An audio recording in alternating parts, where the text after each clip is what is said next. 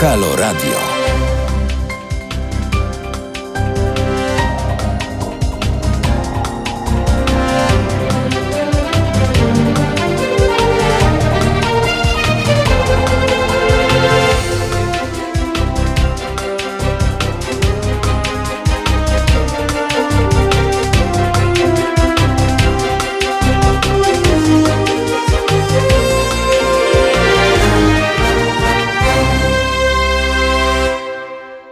Witamy w Halo Radio Nocą.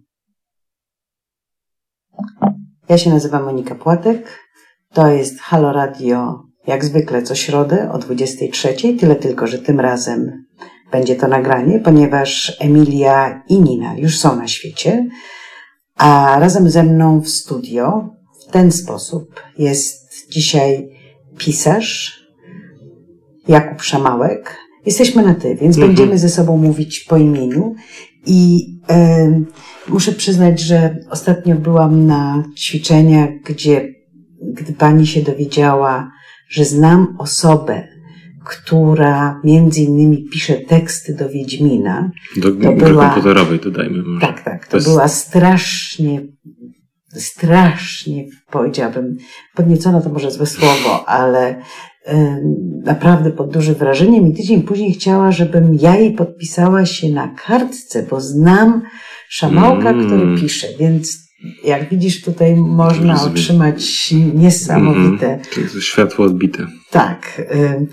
W każdym razie na początek może, ponieważ spotkaliśmy się, żeby mówić o najnowszej książce, mm -hmm.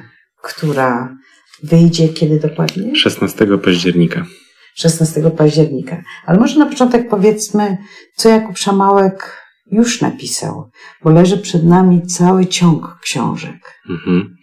To kto ma powiedzieć? Ty czy, ty czy ja? No, autor. Autor, dobrze. Może zacznę od tego, że się z Państwem przywitam. Dobry wieczór.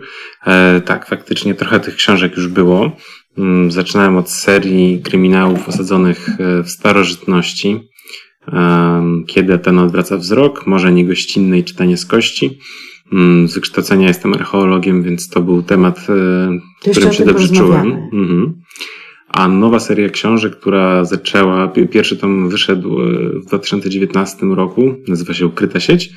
Do tej pory ukazało się cokolwiek wybierzesz, czymkolwiek jesteś i teraz właśnie e, ukazuje się gdziekolwiek spojrzysz. I to są thrillery technologiczne, które mm, opowiadają. Brzmi okropnie. Brzmi okropnie, tak ale dla kogoś, kto się technologiami nie interesuje, to faktycznie może e, nie, nie brzmieć e,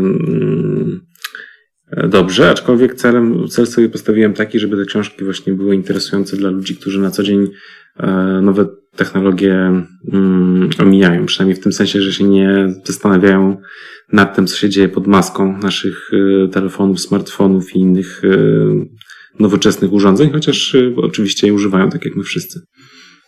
Leży tu jeszcze jedna książka. Mhm. Kim jest Ślimak Sam, tak. autorstwa Jakuba Szamałka i Marii Pawłowskiej. Tak, to y, jest y, jedyna w moim dorobku książka dla dzieci, ale za to mm, wyklęta, bo to, to jest właśnie ten ślimak, który miał problemy z, z olsztyńskim kuratorium. A muszę powiedzieć, że masz problem z PR-em. Książka nie jest wyklęta. Książka to jest bardzo jest, dobry PR, książka jest, była świetna promocja. No właśnie, książka jest niezwykle popularna i odkąd rzeczywiście w jednej z bibliotek w Olsztynie, tak, w to, to w szkole w Olsztynie był problem, że się wycofano książkę, książka. to jej nakład wzrósł wielokrotnie. No, tak, no dodruk z tego tytułu. Autorka i autor, i autor mhm zachowali się zresztą wspaniale i z tego co wiem, napisali do kuratorium list z podziękowaniem, a pieniądze, mhm. jakie zarobili na dodatkowych wydaniach, przekazali na z jednej strony KPH, tak, tak czyli tak, tak. Mhm. kampanię przeciw homofobii, a z drugiej strony na. Chyba, chyba część jeszcze przelaliśmy na miłość nie wyklucza, ale nie pamiętam. W każdym razie pozdrawiam serdecznie kuratorium w Olsztynie i bardzo proszę, żeby też zakazali lektury mojej najnowszej książki, bo to się świetnie Świetna promocja. Także serdecznie pozdrawiam i proszę o wsparcie. To to jest taki zupełny wstęp i teraz poprosimy o piosenkę, która zawsze towarzyszy tej audycji, czyli Imagine Johna Lennona, bo to jest taka piosenka, która przynosi nadzieję, że jednak możemy i zrobimy dużo więcej. Słuchajcie powtórki programu.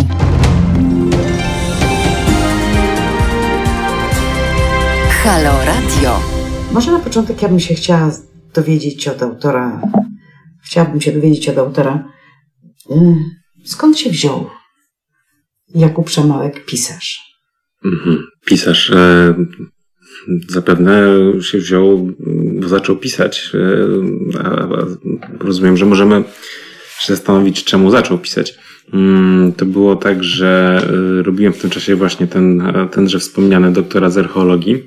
Mm, to, A gdzie robiłeś ten doktorat? E, na Uniwersytecie w Cambridge. W A skąd się wziąłeś na Uniwersytecie w Cambridge? Mm, złożyłem wniosek o przyjęcie na studia i A wcześniej przyjętym. było co? Wcześniej robiłem e, licencjat i magisterkę na Uniwersytecie Oksfordzkim. Z czego? Też z archeologii. Znaczy, licencjat był taki łączony z archeologii i historii starożytności. A jak się człowiek mhm. z Warszawy, z liceum, przenosi na Oxford? Mhm. Z miłości. To było tak, że moja obecna małżonka, a ówczesna dziewczyna, Maria Pawłowska, wspomniana współautorka książki Kim jest Ślimak Sam, e, i już wtedy mm, wyjechała na studia za granicę bo kiedy zaczęliśmy się spotykać, to już, to już była decyzja podjęta. No i stwierdziłem, że też muszę i zacząłem patrzeć, gdzie tę archeologię można studiować. To piękne. Tak, ale znaczy to jest trochę oczywiście powiedziane tak żartem, tak naprawdę, aczkolwiek tak naprawdę prawdziwe. Uczciwie tak. zależało mi na tym, żeby dowiedzieć mhm. się i powiedzieć słuchaczkom i mhm. słuchaczom, mhm. że jeżeli by mieli takie pragnienie i chcieliby mhm. studiować na nazwach, które dla mnie brzmią egzotycznie, ale też e, jak niedosięgłe mhm. szczyty raju, Oxford, Cambridge. W jaki sposób mhm. uczeń liceum no, przenosi się? Niestety trzeba mieć szczęście. To, mm, i, ja miałem bardzo dużo szczęścia i to, to przede wszystkim, bo mm, Miałem szczęście, po pierwsze, bo nie było epidemii akurat i można było w ogóle się przemieszczać z miejsca na miejsce. Po drugie, miałem takie szczęście, że akurat trafiłem w to, jak się okazało, bardzo wąskie okienko między wstąpieniem Polski do Unii Europejskiej, a momentem, kiedy rząd Davida Camerona znacznie, znacznie podniósł e, czesne e, za studia. No to był taki czas, e, to był rok 2005, kiedy wyjeżdżałem na, na, na studia i to był schyłkowy okres rządów Partii Pracy, mm, ale jeszcze wówczas wczesne za studia było utrzymane na stałym niewysokim pułapie i co więcej, obywatele Unii Europejskiej na podstawie zeznań podatkowych rodziców mogli się ubiegać o zawieszenie płatności tego czesnego. Więc ja miałem to szczęście, że e, moich rodziców było stać na to, żeby zapłacić e, za to czesne. W, w, A ile to wynosiło? Wtedy to było tysiąc funtów, e, Czyli który był częściowo pomniejszony. Tak, to złotych. były czesne za studia, za, za, cały rok. Za cały rok. Za cały rok. Czyli to nie jest suma, która jest absolutnie nieosiągalna. Nie, to nie jest suma, która jest nieosiągalna, aczkolwiek oczywiście do tego dochodziło jeszcze mm, akademik, no jakieś tam kieszonkowe, żebym, żebym sobie mógł tam E, przysłowiowe zupki z proszku i tosty kupić. Mm, no ale oczywiście nawet, e, nawet w tym momencie, kiedy te czesne było niskie, no to nie każdego byłoby na to stać. Także miałem potrójne szczęście, bo po pierwsze brak epidemii, po drugie rodzice, którzy mogli sobie na to pozwolić, którzy chcieli syna wysłać na takie studia, a po trzecie to, że akurat to czesne było niskie, bo teraz, teraz ono wychodzi, wynosi chyba 9 tysięcy funtów, a zaraz Unia, y, ten, y, przepraszam, Wielka Brytania wyjdzie z Unii Europejskiej i zapewne mm, te Ona czesne. Wyszła, no właśnie, ja już nie wiem, czy już wyszła, czy wychodzi, czy wraca, ja czy się zatrzymała w pół kroku, ale, ale czesność na pewno wzrośnie. Znaczy, to jest bardzo miłe, oczywiście, to co mm -hmm, mówisz, że, że trzeba mieć szczęście, czyli że to nie tylko jest kwestia. Nie, no bo trzeba też coś umieć no i właśnie. wiedzieć. No tak, tak, tak. Język angielski. Język angielski. Którego no można się nauczyć w liceum? Można, aczkolwiek ja się zacząłem dużo wcześniej uczyć. Myślę, że gdybym się zaczął uczyć w liceum, to bym się nie zdążył nauczyć.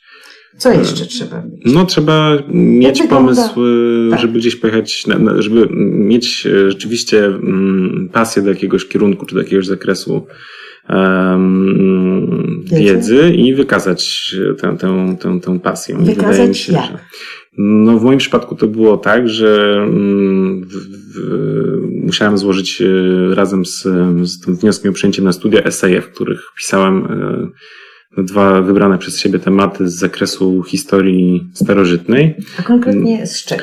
Oj, to już są bardzo zamierzchłe czasy, ale, ale jeden na pewno było o wyzwoleńcach w starożytnym Rzymie, o tym, jakie robili kariery. Pisałeś również blog i ten blog był tak, a to już później. przez politykę. Tak, na, na witrynie polityki, to już jak byłem na studiach, tak. Zresztą jest dostępny do tej pory, chociaż już tam od paru lat e, jest w zawieszeniu, ale gdybyście Państwo chcieli poczytać, to, to, to blog się nazywa Sztuka Antyku. E, jest na, na, na witrynie polityki cały czas. Ja, się tak wypytuję tak. również z tego powodu, że chciałabym przekazać czy ty, słuchaczkom, mhm. słuchaczom taką informację, że w dużej mierze, że jeżeli jednak, że ktoś chce, mhm. to rzecz jasna, szczęście odgrywa również tak. pewną, pewną tak. rolę, ale zdaje się, że przede wszystkim pieniądze też się liczą. Znaczy no, one tak, są, tak. One są do zdobycia i one Na pewno to nie są też takie, nie są takie pieniądze wielkie. jak w Stanach. Mhm. Dokładnie. Natomiast e, trzeba uwierzyć w siebie, że to się może udać. To trzeba nie, chcieć. To też. Znaczy, faktycznie warto zaznaczyć, że to nie jest niemożliwe, że się da i można, warto spróbować, zachęcam. W najgorszym razie się nie A uda. skąd ten kierunek? Skąd ten kierunek? A, no, szczerze mówiąc, ja już sam nie pamiętam do końca skąd ta, ta, ta moja pasja do antyku, ale, ale chyba się zaczęło od komiksu ze Asterixem i Obelixem, to jako, które jako sześciolatek odkryłem i bardzo mi się podobały.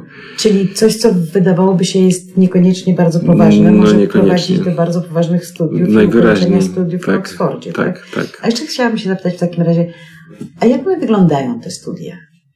No, ja rozumiem, fajne że bardzo. Naprawdę. W czym to się wyraża? To się wyraża w tym, że ma się bardzo dużo czasu z wykładowcami ze swojej dziedziny mm, i też nie tylko na, na, na wykładach, ale w takich zajęciach, które się w Anglii nazywa tutorialami. A to są takie no powiedzmy warsztaty często w jeden na jeden albo w bardzo niewielkich grupach. I to wyglądało tak, że każdego tygodnia miałem do napisania jeden albo dwa eseje na jakiś wybrany temat, gdzie nie było jednej dobrej odpowiedzi, tylko był jakiś temat y, kontrowersyjny, czy nierozwiązany, czy, w, czy, czy wciąż. Oj, znowu to, to już są bardzo zamieszłe czasy, ale na przykład y, jaką rolę pełniły pomniki tyranobójców w życiu politycznym starożytnych Aten. Albo co tam jeszcze, no, co można wyczytać z nagrobków wyzwoleńców na temat ich miejsca w kulturze i społeczeństwie Rzymu. E, I tak dalej, i tak dalej. Albo kim jest. No dobrze, to, to, to mhm, no, mamy temat. tak, mamy temat. No i właśnie trzeba było pójść do biblioteki, odnaleźć artykuły, książki, które tego tematu dotykały, poczytać i sobie wyrobić opinię i potem napisać esej, który tę opinię po pierwsze prezentował, po drugie ją bronił. Czyli nie, jakby nigdy nie pisaliśmy testów, nigdy nie sprawdzano, czy znamy jakieś określone daty, czy nie robiono nam e, e, sprawdzianów z pojęć, które trzeba było zakuć, tylko za każdym razem chodziło o to, żeby e, po prostu jakiś temat wziąć na warsztat i wypracować swoją opinię i ją uargumentować. No i potem z takim esejem się szło do, mm, do, do wykładowcy, który często był światowej klasy specjalistą z danej dziedziny, który ten esej przeczytał i przez godzinę się na ten temat rozmawiało i się pewne rzeczy... Czyli to była rozmowa jeden na jeden? Jed, w moim przypadku często to było, w większości wypadków to rzeczywiście było jeden na jeden. A w Polsce, jeżeli mam na seminarium mniej osób niż osiem, mm -hmm, to mm -hmm. mnie odcinają moje mm -hmm, i mówią, że i tak powinnam się cieszyć, że mam no seminarium. No. My też mamy tutoriale, to jest mhm. na Mischu na przykład bardzo typowe, tak. ale ja ostatnio mam taką studentkę, pozdrawiam panią mhm. Wiktorię, która mhm. właściwie mnie... Um, mnie kształtuje i mnie mhm. uczy, jak być tutorką, mhm. ponieważ w większości przypadków ten tutorial często sprowadza się do spotkań rzadkich mhm. i ograniczonych do mhm. takiego orientowania się, jak wygląda program. Mhm. Czasami również oczywiście trzeba bronić swojego mhm. studenta bądź studentkę tak. i miałam takie też przejścia i poznałam Czyli to taki mentoring trochę. Tak? Nie, nie, nie, właśnie to powinien być mm -hmm, mm -hmm. Pani Wiktoria dokładnie tak. uczy mnie, jak być dobrą Ja też pozdrawiam Panią Wiktorię. Świetnie, bardzo dobrze tak sobie profesorkę ukształtować. Wykształcić. Świetne podejście. I, i, I myślę sobie, że inny mój kolega, Jakub Urbanik i Anna mm -hmm. Rosner, to są również e, tu, tutorzy, którzy Mhm. rzeczywiście pewnie pracują na zasadach Tak. wypracowanych Mhm. niekoniecznie Tak. e, w- na Uniwersytecie Warszawskim, Mhm, ale oni mhm. je Mhm. wdrażają na Uniwersytecie Warszawskim, choć pewnie bardziej to przypomina to, co się Mhm. dzieje Znaczy, wy- w Anglii na dobrych uniwersytetach. Znaczy to, co jakby było wyjątkowe, wydaje mi się, dla tego modelu y, angielskiego, czy, czy wręcz może właśnie oksfordzkiego, to było to, że te spotkania były przynajmniej raz w tygodniu przez cały trymestr, czyli przez 8 tygodni, kiedy się jakiś konkretny wycinek e, studiował, jakiś tam mo- moduł, moduł zaliczało, to co tydzień się spotykałem z, z profesorem w danej dziedzinie, pokazywałem mu swój esej, on go czytał, albo ona, rozmawialiśmy na ten temat i E, i, i, i trzeba było swoich racji bronić. I, i to, co było wspaniałe i co uważam, że jest bardzo fajne, to, że nie, nie było prawidłowych odpowiedzi z góry wyznaczonych, tylko często trze, trzeba było samemu sobie to zdanie wyrobić. I co więcej, można było kwestionować zdanie swojego profesora albo profesorki, powiedzieć, że się z, nim czy z nią nie zgadzamy i to też było I ok, to nie wręcz wpływało na ocenę. nie, nie, nie, nie, jeżeli to pozytywnie, bo oni nawet lubili, jest ciekawie, jak się mm, dwie osoby nie, nie zgadzają kulturalnie, bo sobie można podyskutować, jak sobie wszyscy przytakujemy, to jest, to jest nudno. E, także nie, bynajmniej to było punktowane wręcz in plus. A czy poza tym takie wykłady, Mhm. konwersatoria, seminaria Nie, no pewnie, to wszystko też też, było i, i wykłady obowiązkowe i nieobowiązkowe. I, I warsztaty też takie, że sobie chodziliśmy do muzeum i oglądaliśmy jakieś monety, czy wazy, czy, czy kości, no to to wszystko się działo, więc, więc, więc było bardzo intensywnie. A jak wyglądało później to zaliczenie? Mówisz o licencjacie, a Tak. później o, o, o ma, magisterium. Tak, w moim tak? to zależy od kierunku, ale, ale w moim wypadku to wyglądało tak, że na koniec tych trzech lat były egzaminy, które znowu Czyli wcześniej nie było żadnych Nie, egzaminów? znaczy były Tak, egzaminy na zaliczenie, ale one się nie liczyły jakby do końca, do, do końcowej oceny dyplomowej. I było chyba 8 egzaminów i to też wyglądało tak, że dostawało się e, temat, na który trzeba było napisać esej. Mhm. Chyba było do wyboru 3 czy 4 e, przy każdym egzaminie, no i do tego jeszcze była praca zaliczeniowa, taka praca licencjacka na, na, na wybrany temat. No to nic egzotycznego. Znaczy to, co A było... jaką pracę ty sobie wybrałeś? E, Ja pisałem pracę o przedstawieniach Erosa na wazach czerwono-figurowych z południowych Włoch. I co z Bo to, co było tych ciekawe, was wynika?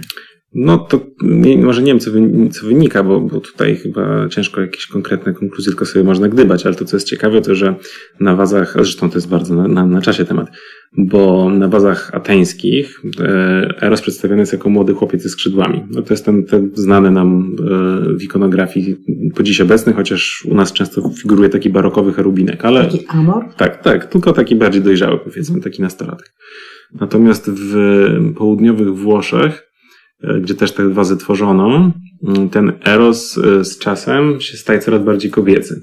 Ma długie włosy, upięte w taki ko- kok typowy dla, dla, dla- kobiet, ma bardzo dużo biżuterii, pojawiają mu się piersi, penis się robi coraz mniejszy, aż w końcu staje się prawie że niewidoczny i e, po prostu staje się taką, e, takim bogiem interseksualnym. E, Ciężko powiedzieć, czy to jest e, kobieta, czy mężczyzna.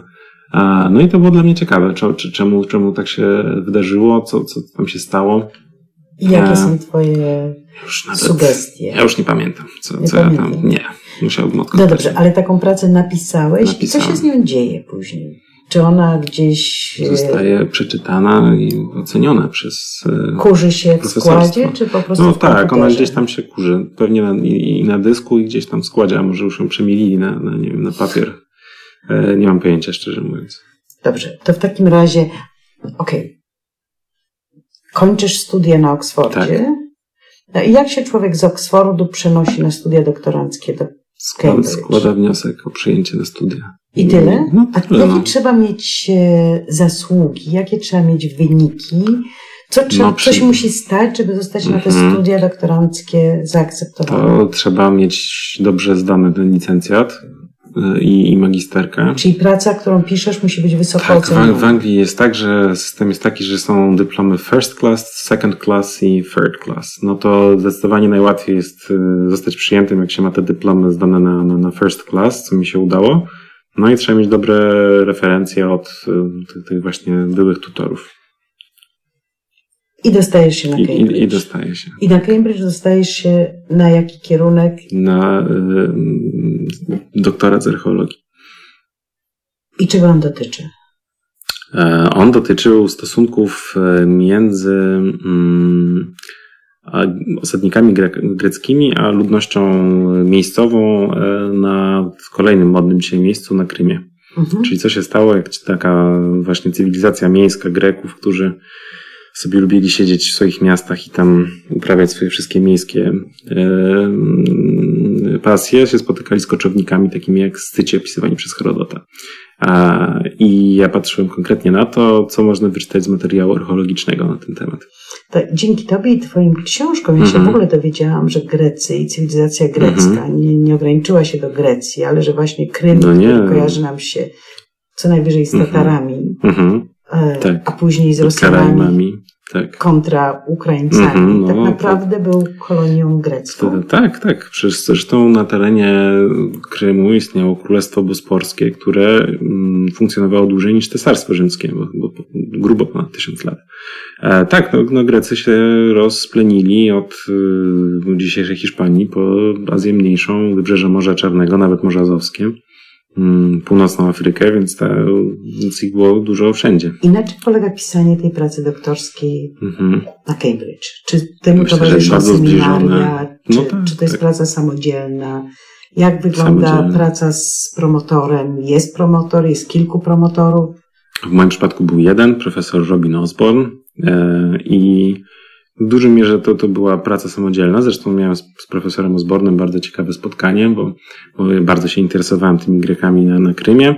No i jeszcze przy, przed tym, jak mieliśmy formalną rozmowę w ramach procesu kwalifikacyjnego, to się z nim spotkałem na kawę i on powiedział, no to jest bardzo ciekawe, ale no wiesz, ty, ty potem nie zdobędziesz nigdy pracy w tej, w tej, naszej dziedzinie. Spytałem, dlaczego? No, no, no wiesz, no kogo w Anglii interesuje, co się dzieje w Rosji, w, w starożytności? To, to jest bardzo niszowy temat. Więc faktycznie był to bardzo niszowy temat i, e, i, i, trochę się czułem z tym osamotniony, bo, bo, bo wszyscy e, ludzie z mojego wydziału tam e, rozgrzebywali, co Platon miał na myśli. A ja siedziałem w, w takiej części e, biblioteki uniwersyteckiej, gdzie były trzymane sowieckie periodyki naukowe i tam nikt nigdy nie przychodził, tylko ja tam miałem swoje biurko i siedziałem i czytałem Dużo zaległe nu- numery sowieckiej archeologii. No tak, tak. Nie, to, to nie były często uczęszczane kawałki y, biblioteki. Więc faktycznie trochę, trochę byłem tam y, sobie starym i okrętem. No, ale bardzo to mile wspominam. Ale profesor Osborne cię w pewnym sensie pomylił. Bo to No. nie jest tak, że ty żeś nie dostał pracy w Anglii, to jest tak, że ty żeś inną pracę wybrał, ale jeszcze wcześniej No, chcę powiedzieć, Tak, ale że- w archeologii to, to myślę, że miał no rację. dobrze, ale jak się, jak się utrzymać Mhm. w Anglii, będąc stypendystą, e, No tak. będąc, be, be, No właśnie, doktorat tak. na Cambridge, już zdradzam, że chodzi o Dokładnie. Tak, no trzeba, mm, znaczy oczywiście można to sponsorować samemu, ale, ale to chyba tylko jest y, rozwiązanie dla, dla, dla ludzi bardzo bogatych.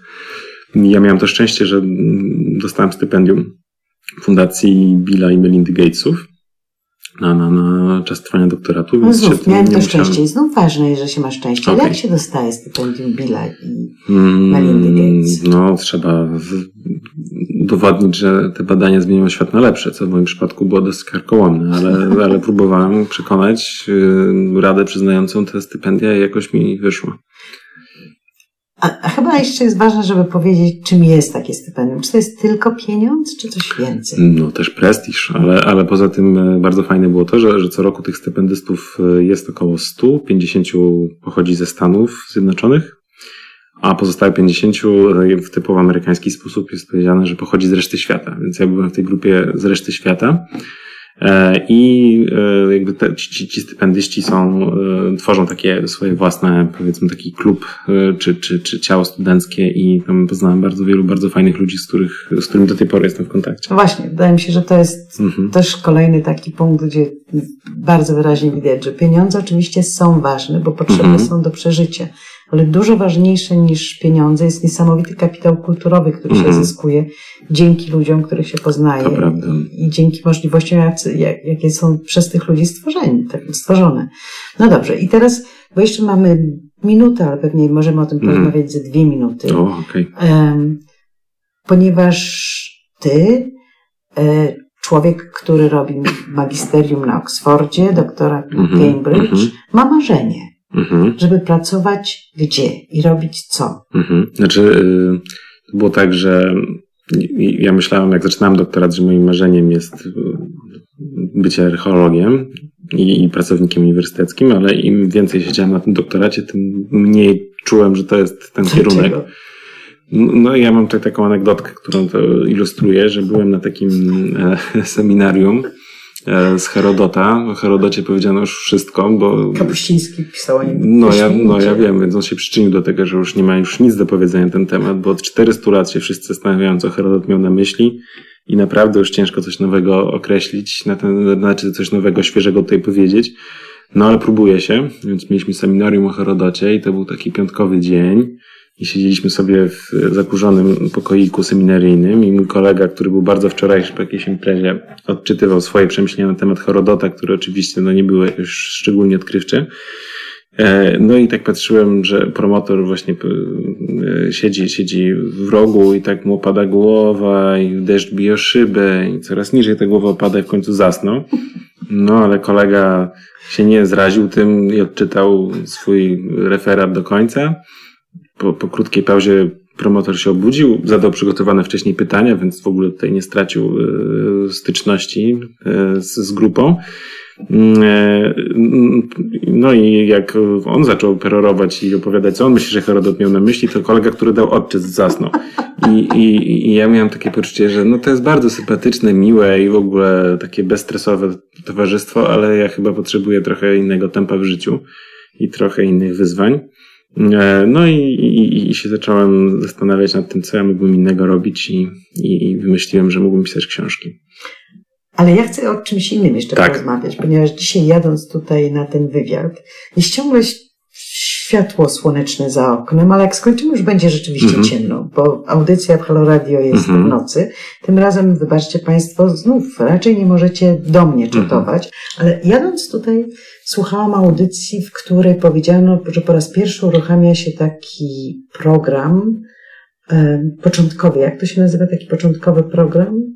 Kiedy Nie, testujemy, jeszcze. taki ty, Mhm. testujemy Mhm. to w szkołach, Okej. że, że będą klasy w szkołach, gdzie dzieci w ramach zajęć szkolnych Mhm. będą mogły grać w gry komputerowe. I Pan mówił w ten sposób. Dzieci i tak, i tak grają w te gry. W Mhm. związku z tym, dlaczego nie przenieść tego do szkoły i Mhm. dlaczego nie nauczyć tych dzieci, jak z tego korzystać, jak się Mhm. chronić Mhm. przed złym wpływem. Mhm. A w ostatniej swojej książce napisałeś Mhm. zdanie, które mnie zmroziło. My Mhm, mhm. przejdziemy zaraz do tej Dobra, książki, dobra. ale to zdanie jest takie, że nieznajomość matematyki i języków programowania to nowa forma analfabetyzmu. Mhm. Mm, Więc dwa pytania. Mhm. Ja- Jak doszło do tego, że zainteresowałeś się grami komputerowymi? mhm. Mimo, że to jest tak, stara baba pyta młodego Mhm, człowieka, mhm. który żył w, Nie, innych, taki młody wcale. żył w innej epoce, Mhm. w której gry komputerowe Mhm, już były. mhm. Y, Ja też grałam w jedną Mhm, grę komputerową. Um, nie pamiętam Mario? nazwy. Nie, nie, Nie. To było takim. To, to się dzieje rzecz w puszczy i trzeba znaleźć skarb. Skarb. I się przechodzi przez najróżniejsze etapy. Mhm. To była gra z 92 roku. Ja to Mhm. grałam w Stanach Zjednoczonych, Mhm, przyznaję, mhm. razem ze swoimi dziećmi. To było bardzo Okej. ciekawe. I każdy z nas y, chciał to Chyba wiem o co chodzi, ale nie pamiętam tytułu. Ja też nie, nie Mhm. pamiętam tytułu. Bardzo ładne obrazki, Mhm, mhm. ale na tym skończyła się Tak, moja tak. przygoda z grami. Mhm. Natomiast y, jak rozumiem, ty Mhm, żeś mhm. jednak y, tą przygodę Tak, kontynuował. tak, I nawet do tej chcę, pory. Chcę po Mhm. prostu właśnie zapytać o to, jak to jest być pisarzem, który pisze gry, Mhm. który pisze teksty, scenariusze do do gier. Mhm, komputerowych. mhm.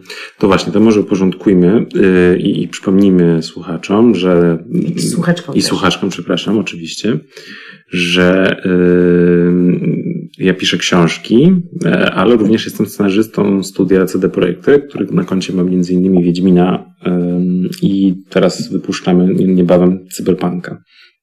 A, no to jest bardzo ciekawe, bo, bo pisanie tekstów do gier y, z jednej strony jest w jakiś sposób podobne do pisania książek, no bo i tu, i, i, tu musi być um, intrygująca historia i fajny dialog i postacie, którym się wierzy i których emocje się, się odczuwa, ale, ale gry mają swoją specyfikę jako, jako medium, którą trzeba poznać.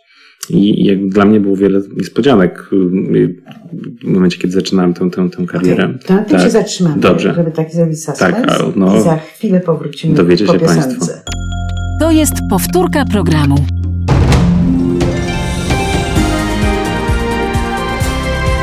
Halo Radio. Witamy ponownie. Jesteśmy dalej w Halo Radio. To jest audycja Halo Radio nocą. Jest mhm. środa.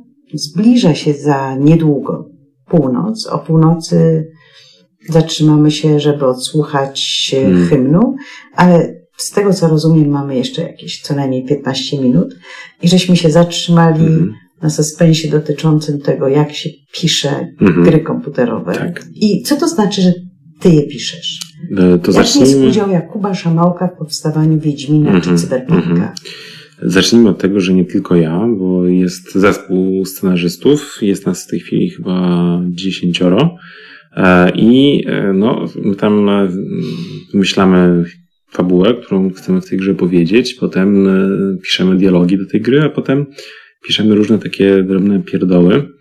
Mm, jest już po 11. Tak, mogę powiedzieć pier pierdoły, pierdoły tak, przepraszam. Tak. Dobrze. Ale, a jak mówisz pierdoły, to co konkretnie masz na myśli? No, e, to, to jest ta mniej, e, wydaje mi się, festująca mm, część mojej pracy, bo w grze komputerowej gracz może się poruszać po trójwymiarowym świecie i może na przykład e, podnosić przedmioty albo odczytywać, może, może interaktować ze światem. I przedmioty w świecie muszą być opisane. Czyli na przykład książka się musi nazywać książka, krzesło krzesło, drzwi drzwi, musi być guzik otwórz, musi być guzik zamknij i my to Czyli też robimy. twórczą część tak, jest nazywanych pierdołami. Tak, jeżeli możemy o tej porze użyć tego słowa. To tak, więc my, my to też robimy. Także zaczynamy od takiego ogółu, o czym jest historia, jacy są jej bohaterowie, kim są, czego chcą. Potem przechodzimy do e, coraz, coraz większego szczegółu. Czyli robimy wszystko od A do Z.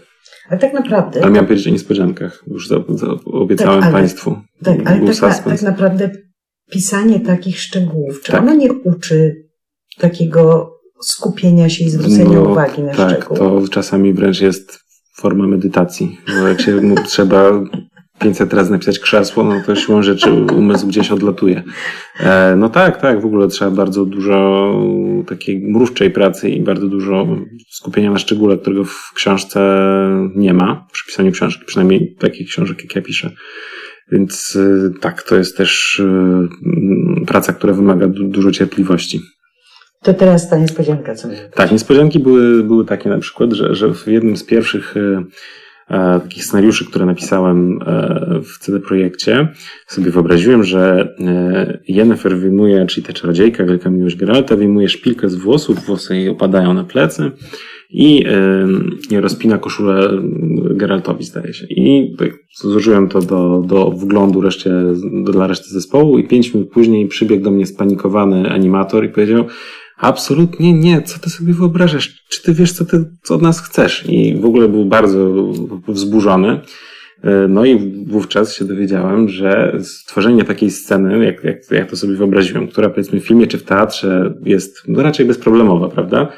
To wymagałoby pracy mnóstwa osób i byłoby bardzo skomplikowane, bo w grach mamy wielki problem z fizyką włosów, z manipulowaniem małymi przedmiotami, w ogóle z animacją palcu. To, to jest wszystko bardzo, bardzo skomplikowane. Czyli trzeba to było zamienić na koronę? Trzeba było na coś zmienić, już nie pamiętam na co, ale, ale gdybyśmy, w grze, czyli to jest bardzo, bardzo drogie w grze, a gdybyśmy chcieli w grze natomiast mieć smoka, który przelatuje i podpala miasto i potem jest wielki jeszcze wybuch magicznej energii, to nie ma problemu, to ktoś mi to zrobi w pół godziny, ale jak ktoś ma rozpiąć sobie guzik, to, to, to było wielkie, wielkie halo i zamieszanie. Czyli musi po prostu zerwać z niego koszulę. To też by było straszne, bo wtedy jest fizyka materiału i w ogóle gięcie się Aha. materiału to jest bardzo ciężkie do, uwaga, wyrenderowania więc, Czyli i zanimowania, więc absolutnie musi kopnąć w jego... Nie, nie, on musi się na chwilę zniknąć z ekranu i się pojawić już bez koszuli. W greckiej tragedii tutaj akcja się musi toczyć poza, poza sceną. Także przy pisaniu gier trzeba jakby być świadomy tych technicznych, technologicznych ograniczeń, ale też trzeba być świadomym tego, że inaczej się na przykład utożsamia gracz z postacią w grze y, niż czytelnik z postacią w książce. I to jest, to jest ciekawe bardzo. Pewnie. I, I oczywiście chciałabym otrzymać Tak. odpowiedź mm, trochę Szczerą. bardziej rozbudowaną Okej. niż dlatego, że jest świetna. Okej. Chcę zapytać, ponieważ to nie tylko to, Mhm, że mhm. dzieci Baracka Obamy grają Wiedźmina. No tego nie wiemy, wiem, że dostały. Zdaje się, że wiemy, Tak? że były Aha, sygnały, że również one się No to dobrze, świetnie. Ale właśnie mm, Mhm. no to jest gra, która zrobiła niesamowitą Mhm. karierę. Ja Tak. starałam się w to grać przez 15 minut y, i poległam. Powiedzmy Mhm, sobie, że to, mhm, mhm, co jest w tej Mhm. grze? Poza tym, że jest świetna. Na czym Tak, tak. polega jej świetność? Że w zasadzie zdobyła Europę Nie no, z, i resztę i świata. resztę świata. No, Wiedźmin 3 sprzedał chyba 50 milionów egzemplarzy No właśnie. do tej pory. Ja już się gubię w tym, ale to chyba był ostatni komunikat. E, to może zacznijmy od tego, co powiedziałeś i odbiłaś, bo to jest ciekawe też, że, że gry są takim medium, które ma bardzo wysoki próg wejścia. To, to, tutaj też Co odróżnia. to znaczy? To znaczy, że żeby czytać książkę, to musisz umieć czytać i i już powie, no i powiedzmy przydaje się jeszcze jakiś kapitał kulturowy, czyli żeby ktoś ci w ogóle pokazał, że fajnie jest czytać książki, ale, ale zasadniczo bierzesz książkę, otwierasz ją i czytasz i żeby się dowiedzieć, co dalej z historii, to tylko przewracasz stronę. Żeby obejrzeć film, to jeszcze mniej, po prostu musisz Siadam i puścić play, prawda? A w grze musisz opanować mechanikę rozgrywki tej gry i musisz umieć zaliczyć kolejne etapy, czyli na przykład możesz sobie zacząć grać i spotkać się z jakąś przeszkodą, której nie jesteś w stanie pokonać i wtedy no niestety reszty historii nie poznasz. Także gry- są wymagającym medium w tym sensie, że rzucają tutaj wyzwania e, odbiorcy i odbiorca musi chcieć i móc je, je, je, To, to pokonać. co myślisz o tym, żeby to w szkołach rzeczywiście na lekcjach Yy, Dzieci znaczy ja, gry. bo, bo jeszcze zaraz powiem, czemu Wiedźmin jest świetny, ale, ale yy, co do grania w gry, no ja myślę, że to nie jest zły pomysł, bo gry, tak jak mamy bardzo złe książki i bardzo dobre książki, jak mamy bardzo złe filmy i dobre filmy, to tak samo mamy bardzo złe gry i bardzo dobre gry. I faktycznie wydaje mi się, że warto jest pokazać te wartościowe tytuły, tak jak no, mamy kanon lektur, który, no nie wiem, czy rzeczywiście to robi, ale ma pokazywać wartościowe lektury i pokazywać, że literatura to może być coś, co zmienia życie, zmienia sposób patrzenia na, na, na życie.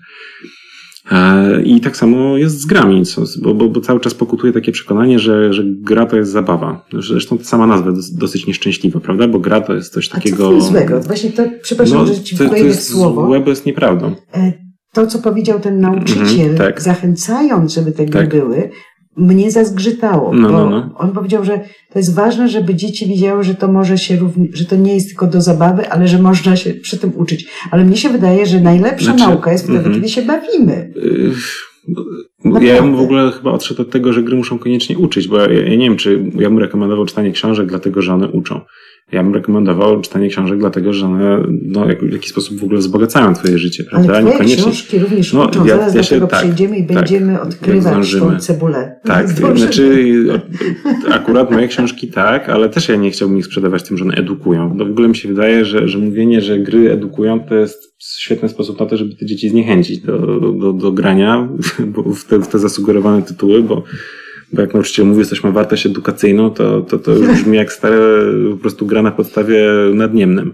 E, A, a, a dla, dlatego to, to, to przekonanie, że gry to zabawa jest, jest niedobre, bo to nieprawda, bo gra może być zabawą, a może też być zupełnie niezabawna. Jest taka gra, którą tutaj warto wspomnieć w tym kontekście. Ona się nazywa mm, The Dragon Cancer i opowiada w sposób interaktywny, w sposób opowieści właśnie korzystającej z mechaniki gry o przeżyciach y, ojca, który mm, jest y, no, i, i świadkiem, jest, jest y, częścią bardzo smutnej historii o tym, jak jego dziecko umiera na raka. E, I to nie jest zabawne, i to nie jest śmieszne, i to nie jest rozrywka, natomiast jest to piorunująca gra, która naprawdę mm, przez to, że nie jest się biernym obserwatorem tej historii, tylko się bierze w niej udział, e, to ona jeszcze bardziej moim zdaniem emocjonalnie z nas wyżyma e, i jeszcze się głębiej przeżywa. Także, także gry to jest teraz już takie dojrzałe medium, pełne bardzo szerokim spektrum. No, mamy tutaj gry, które polegają na tym, że, że się dosłownie tylko jakąś mechaniką rozgrywki bawi, a są takie, które, które naprawdę próbują dotykać bardzo ważnych, trudnych tematów i robią to coraz lepiej. To dlaczego Wiedźmin jest dobry? Wiedźmin jest, jest, wydaje mi się, realizacją takiej, e, takiego marzenia, takiego fantazji, żeby się zatracić w świecie książki. Bo e, nie wiem jak ty, ale często tak mam, że, że czytam jakąś książkę, która mi się bardzo podoba i, i tak czuję ból, że, że ona się już skończyła, że ją odkładam. Właśnie że musiałam się spieszyć jest- z twoją ostatnią No, książką i bardzo mi to przeszkadzało, bo No, bardzo to bym przykro chciała mi. poczytać wolniej, dłużej. Mhm. Ale ze względu na Rozumiem, dzisiejszy terminy. wywiad, tak, No to bardzo chciałam, żeby czas jednak, że e, cała Em, przyjemność po mojej stronie oczywiście. I, i, I Wiedźmin pozwala takie wejście bardzo głębokie w ten, w ten świat, że można pójść w dowolnym kierunku, samemu się decyduje, co ten Wiedźmin robi, i gdzie i kiedy. I można wejść w te jego buty i, i rzeczywiście przenieść się do innego świata. I, I rzeczywiście przeżyć, tutaj nieskromnie powiem, bardzo fajną historię, taką e, dorosłą, angażującą, która nie jest tylko pretekstem do tego, żeby tam pomachać mieczem. A czy dbacie również o to, żeby teksty i treści były wolne od rasizmu, homofobii, Mhm. mizoginii? Czy to jest świadome, czy... A, wiesz co? Mm, Czy ja przesadzam, no, przeginam? Nie wiem, jak ugryźć ten temat, bo ja powinienem, Proste. wiesz co, ale, ale tutaj nie mam ze sobą e, glejtu e, mojej firmy, żeby tutaj reprezentować i wypowiadać Okej. tutaj sądzę te tematy, więc może to To może to jest Na inny czas dobry zostawmy, moment, tak. żeby przejść na początek do pierwszych trzech książek, które mam przed sobą, ponieważ i też zrobię Państwu wyznanie i zrobię Jakubowi Szamałkowi wyznanie. Mój brat twierdził, że e, nie nadaje się na prawniczkę nie powinnam iść na Mhm. prawo, kiedy mu powiedziałam, że chcę iść na prawo, ponieważ ja nie czytam kryminałów. mhm. I ja sobie wypisałam, że to nie do końca prawda, bo mm, ja przeczytałam chyba całego Chandlera, cała, całą Agatę Christie, Conan Doyle'a, Stiga Larsona em, i książkę takiej fińskiej autorki Kobieta ze śniegu, Mhm. Leny Lechtelainen. I oczywiście czytam również paru polskich Mhm. autorów, zwłaszcza y, odkąd Jacek Den zrobił mi tą przyjemność i zaprosił mnie Mhm. do jednego panelu, który był na e, festiwalu Apostrofa, Mhm, mhm. gdzie on kura, Mhm. był kuratorem tego Tak. i pewnie zaprosił mnie do Mhm. kryminałów, sądząc, że jako Mhm. No prawniczka właśnie, no ewidentnie. tak, to, że to też jest takie myślenie, więc ja nie czytałam Mhm, najczęściej mhm. kryminałów, ale to myślenie, że prawo to jest Mhm. prawo karne, Mhm. jest szczerze mówiąc, ono było błędne za Mhm. czasów mojego Widzisz, tak brata, tymi ono jest również błędne Mhm. dzisiaj, ale jest charakterystyczne, Mhm. że w PRL-u naprawdę prawo karne nie Mhm. kojarzyło nam się z prawem handlowym, prawem Mhm, cywilnym, mhm. prawem rodzinnym nawet, Tak. tyle tylko z paką i, Mhm, i z mhm. kryminałem. Mhm. I dziś po, powoli wraca to samo i to jest niebezpieczne, Mhm. ale już dzisiaj wiemy, że to jest bardziej rozbudowane. Natomiast e, Jakub Szamałek to jest autor, którego książki wszystkie przeczytałam. I nie dlatego, że Jakuba Szamałka lubię, bo go lubię bardzo, ale dlatego, że te książki rzeczywiście są fantastyczne. E, Natomiast te pierwsze trzy, kiedy Atena odwraca wzrok, Morze Niegościnne i Czytanie z kości są absolutnie wyjątkowe z tego względu, e, że nieczęsto spotyka się kryminały, Mhm. które cofają się do czasów antycznych. Tak, znaczy są takie tytuły, ale no nie, nie jest to faktycznie e, dominujący nurt w, w tym gatunku. I moje podejrzenie Mhm. było, teraz będę się bardziej detektyw, w detektywkę. Mhm. Dobrze. Jak to jest kobieta Detektywka, detektyw? no, dlaczego nie? detektywka, okropne słowo, ale prawdopodobnie musimy się do niego przyzwyczaić. Że tak naprawdę Jakub Szamałek, tworząc bardzo ciekawą postać Leo Haresa Mhm. i jego żonę, Mhm. Leę, Lea, dobrze pamiętam, Mm, poczekaj, a wiesz, że zapomniałem Nie sam, jak ona się nazywa? Um, no, Nie, ona się nazywa Lea. czekaj, gdzieś to jest napisane. Ona musiała się nazywać Lea. Straszne, nie wiem, czy to zrobię dobre wrażenie na Państwu, że nie pamiętam, jak się nazywała żona głównego bohatera. Zadałaś mi ćwiek. Dobrze, Lamia. Lamia. Lamia. O, się. Tak, A ale jest E, przyjaciółką. E, tak, pozdrowienia dla Tak, Lei. tak. Lamia. Lamia. A to imię skąd? No, po prostu jest to greckie, greckie imię kobiece, Leo które jakoś mi się... jest imieniem, które występuje współcześnie. Tak, znaczy współcześnie nie, ale wówczas znany nawet był taki rzeźbiarz Leo Harris. Dobrze, to-. To moje podejrzenie jest takie, że tak naprawdę Jakub Szamałek tworząc niezwykle ciekawą fabułę kryminalną jednocześnie przekazuje nam ogromną masę swojej wiedzy, Mhm. którą zyskał na studiach w Oxfordzie i w Cambridge. wszystko się zgadza, tak było. Także pierwsza e, sprawa detektywki rozwiązana Ale, pomyślnie. czy, ale teraz tak, co, co było pierwsze, a co było Kura. drugie? Ja nie, chyba jajo, ale No właśnie dobra. co było jajem, a co było kurą? E, Czy to mhm. było tak, że miałem wiedzę mhm. i chciałem ją przekuć w opowieść? Mhm, mhm.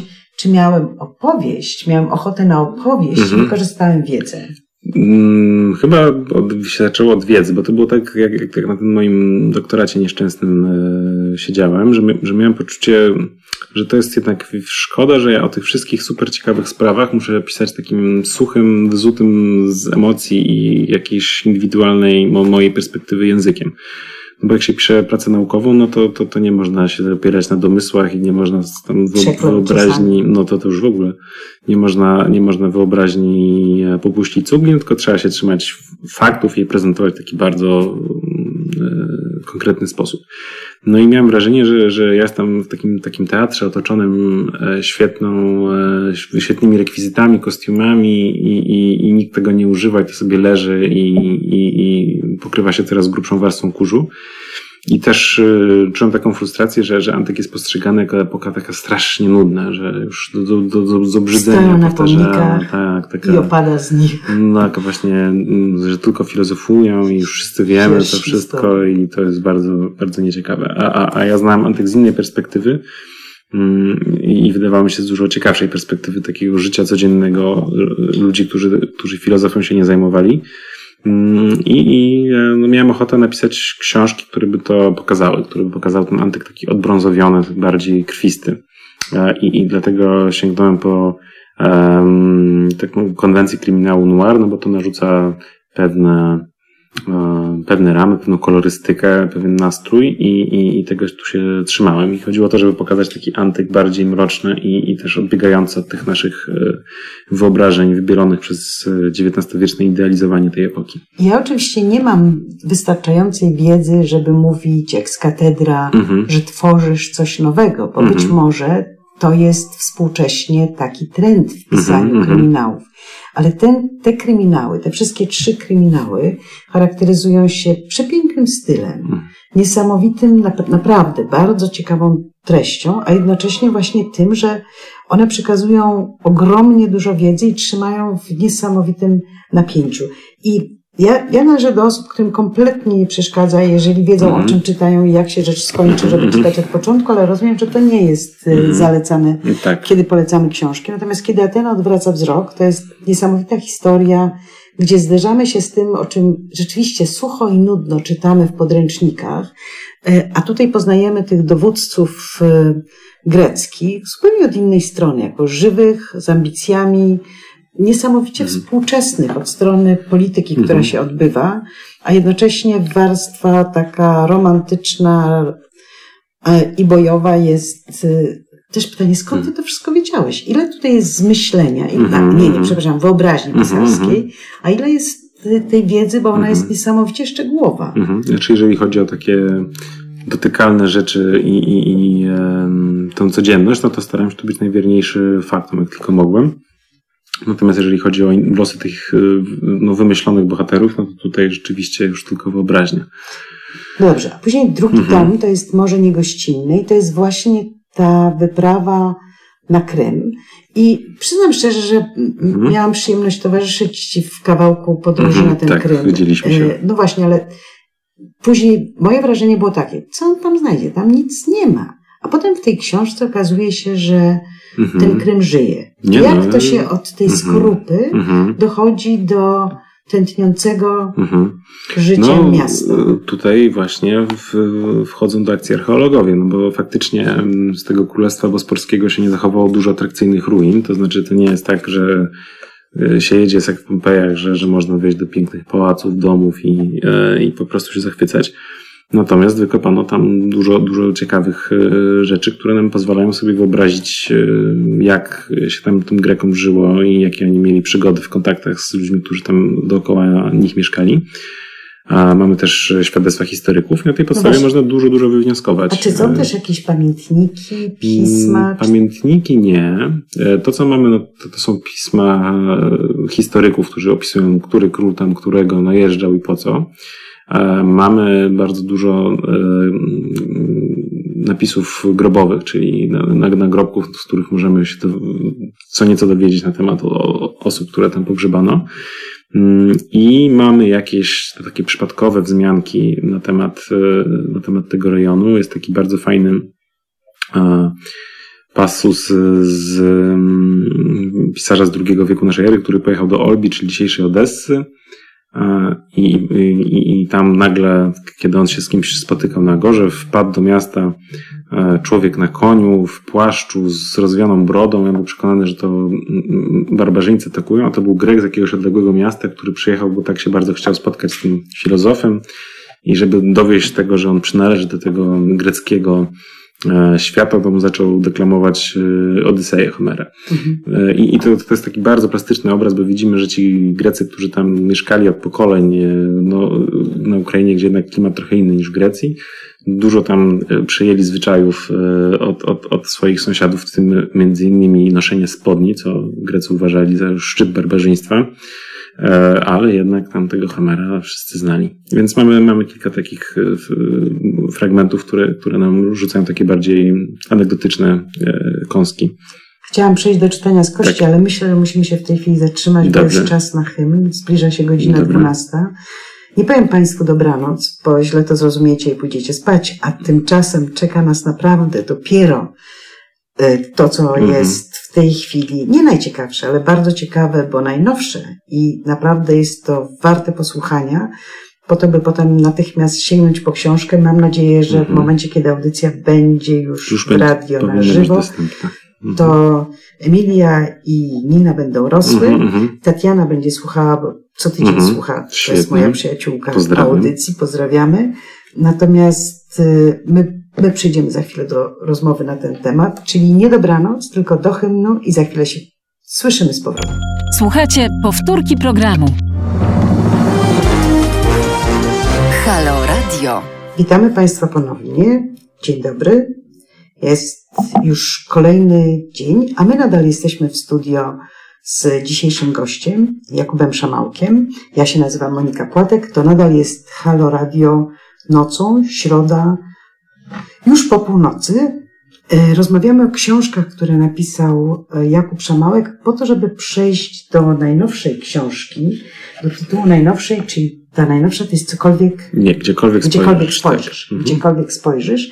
Natomiast zatrzymaliśmy się Mhm. na trzeciej książce z serii trylogii Mhm. dotyczącej starożytności to jest Czytanie z kości. Mhm. To Czytanie z kości, mi trudno jest powiedzieć, którą ja z tych książek Mhm. lubię najbardziej, Mhm. bo każda z nich jest naprawdę bardzo ciekawa i fascynująca, ale ta trzecia jest y, nowatorska w tym Mhm. sensie, że łączy starożytność y, ze Tak. współczesnością. Tak. Skąd pomysł na to? I od razu Mhm. drugie pytanie. Mhm. W tych książkach Leo Harris jest wspaniały, Mhm. chociaż autor, nie wiem czy można spoilerować, Mhm. może nie będziemy No, Nie wiem, jak spoilerować, dużo zechcesz spoilerować, ale e, co lepiej. się dzieje z głównym lepiej- bohaterem. lepiej Dobrze, nie. to lepiej nie. Natomiast e, Lamie, przepraszając za to, że żeśmy nie pamiętali Tak, tak, ja też imienia przepraszam, i mieszałam ją, bo ja narzuciłam tą No Leę. właśnie, tak. No. Chociaż blisko, Lamia, No, Lea, zbliżone. prawda? Chociaż Lea, szczerze mówiąc, jest imieniem żydowskim. Lamia jest Mhm, imieniem Tak, ale tak starotestamentowym od pięknym, więc to powinnam wiedzieć. W każdym razie kobiety odgrywają w tych książkach dość istotną rolę i powstaje takie pytanie, czy rzeczywiście ten feminizm w starożytności Mhm. był tak silny? No nie, nie. I bohaterka nie w trzecim Mhm, tomie, mhm, czyli już ta bardzo Tak, współczesna archeolożka. bohaterka, Mhm. jest właśnie archeolożką, Tak. a nie zasuszonym archeologiem. Tak, nie no, feminizm nie był e, silnym nurtem w starożytności, wręcz przeciwnie. I e, ja raczej w tych książkach chciałem pokazać, jak straszliwie Grecy traktowali kobiety, jakim było e, ciężko wówczas. I są tam e, no, pokazane po prostu e, no, ich bardzo trudny los. A, ale też jest bohaterka, no bo chciałem to pokazać, ale jednocześnie chciałem, żeby tam kobiety miały głos, więc ta żona Elo Haresa ma, ma trochę więcej do powiedzenia, też przez jakby wynik wypadków opisanych w książce. A, a, ta, a też ta, w czytaniu z kości ta archeolożka miała być właśnie przeciwwagą do tego takiego typowego twardziela, jakim jest, jest, jest, jest Leo Harris, żeby już nie było tak y, stuprocentowo y, męsko i, i, tylko w klimacie macho. Ale właściwie ta trzecia książka tak. opowiada o tym, jak mogła powstać pierwsza książka, prawda? Bo ta trze mm -hmm. trzecia książka, mm -hmm. znowu, gdyby ktoś nam zrobił na ten temat wykład, mm -hmm. to mhm. byłoby to nudne niesłychanie mhm. o tym, na czym polega praca archeologa i jak on to wszystko robi. Tak. Tymczasem Jakub Szamałek robi z tego opowieść fascynującą, od której się nie można oderwać. I to, co jest niesamowite, to to, że to, co się dzieje setki lat, bo chyba idzie to w tysiące lat wstecz. No tak, I tak. co się dzieje współcześnie, może się naprawdę połączyć i tak. to przestaje być takie niemożliwe bo nam się wydaje, że ci ludzie dawniej byli tacy bardzo inni. No, Natomiast Szamałek nam pokazuje, że prawdopodobnie mieli zupełnie inny sposób myślenia i to też zostaje w książce mhm. oddane, ale że jednakże nasze współczesne losy w mhm. pewnym sensie łączą się i zależą od tego, co się działo mhm. dawniej, prawda? Tak. No dobrze. I to są te trzy tomy. Czy prawda jest taka, że byłeś trochę już zmęczony starożytnością Byłem, tak. i nabrałeś ochoty i ambicji na coś nowego? Mm, szczerze mówiąc, miałem poczucie, że, że, że jakby powiedziałem wszystko to, co powiedzieć chciałem na ten temat i jakbym pisał dalej, to już bym tylko odcinał kupony i odgrzewał ten sam kotlet. Więc wiedziałem, że, że czytanie z kości to już musi być ostatnia książka. Czyli Leo Ale... Mógł mieć jeszcze inne przygody, tak? No, ja myślę, że, że mógłby, tylko to by było więcej tego samego, a jakby tam nigdy mnie nie, nigdy mnie nie kusiło, żeby robić więcej tego samego, tylko, tylko próbuję z każdą książką coś powiedzieć nowego. No dobrze, to teraz mhm. nowa trylogia. Tak. Czy, dlaczego to jest, czy to po, po Sztiglarszenie takie są te trylogie, czy to po mm, Sienkiewiczu, czy... Nie, to właśnie już chyba od starożytności ta trylogia to taki wiesz, magiczny numer i się ładnie historie dzielą na trzy części. Cała seria nazywa się Ukryta sieć. Mhm. Ma część pierwszą i to jest cokolwiek wybierzesz. Mhm. Ukryta sieć. Część druga, kimkolwiek jesteś. I w tej chwili mamy premierę najnowszego tomu. Mhm. Gdziekolwiek część, spojrzysz. Część trzecia, gdziekolwiek spojrzysz. I to, tak. to, co możemy powiedzieć, to mhm. to, że we wszystkich tych trzech tomach mamy bohaterkę, mhm. którą jest Julita Wójcicka. Mhm. Znowu kobieta. Co znów nie jest takie bardzo dziwne, dlatego że e, Elizabeth mhm. Salander jest mhm. również kobietą. E, u Finki mojej też jest kobieta. Więc mamy piękny renesans dostrzeżenia, że kobiety mogą być i detektywkami, i świetnymi policjantkami, i prowadzić, prowadzić akcje. Ale tutaj Dodatkowo mamy jeszcze bohatera, który mhm. też jest od pierwszego tomu, chociaż nabiera coraz mhm. więcej kolorów tak. i znaczenia w poszczególnych mhm. tomach. I to jest Janek. Mhm. Janek jest polskim Wietnamczykiem? Tak, no, czy tak wietnamskim tak Wietnamczykiem, który... Już by trzeba było jego spytać. Rozumiem. się identyfikuje, ja nie wiem. Ale właśnie, jest, mhm. jest też bohater niesamowicie mhm. sympatyczny mhm. i mamy całą gamę bohaterów. Nie wiem, ile na ten temat chcesz mm-hmm, powiedzieć, mm-hmm. co jest w pierwszym, co w drugim, mm-hmm. co w trzecim No nie mogę Bo ja jak zacznę, to może to być spoiler, więc na razie oddaję Ci tutaj głos. Znaczy ja chyba nie, nie, nie chcę streszczać, tylko bym tak zachęcił, że, że to, to są e, książki, które w sposób dla czytelnika, mam nadzieję, bezbolesny i ciekawy, wprowadzają w ten świat e, nowych technologii, które coraz bardziej kształtują nasze życie, czy tego chcemy, czy nie i które z każdym mijającym rokiem mm, w coraz więcej aspektów naszego życia wchodzą. Więc to z jednej strony jest, jest akcja, przygoda i, i emocje, ale, ale z drugiej strony jest taka eksploracja tego, jak te technologie nas wpływają, jak, jak wpływają na to, jak myślimy, jak pracujemy, jak ze sobą e, wchodzimy w relacje. Ja nie przez przypadek mhm. w tej pierwszej części, w pierwszej godzinie naszej rozmowy chciałam się dowiedzieć więcej na temat tego, jakie masz e, podłoże mhm. intelektualne. Mhm.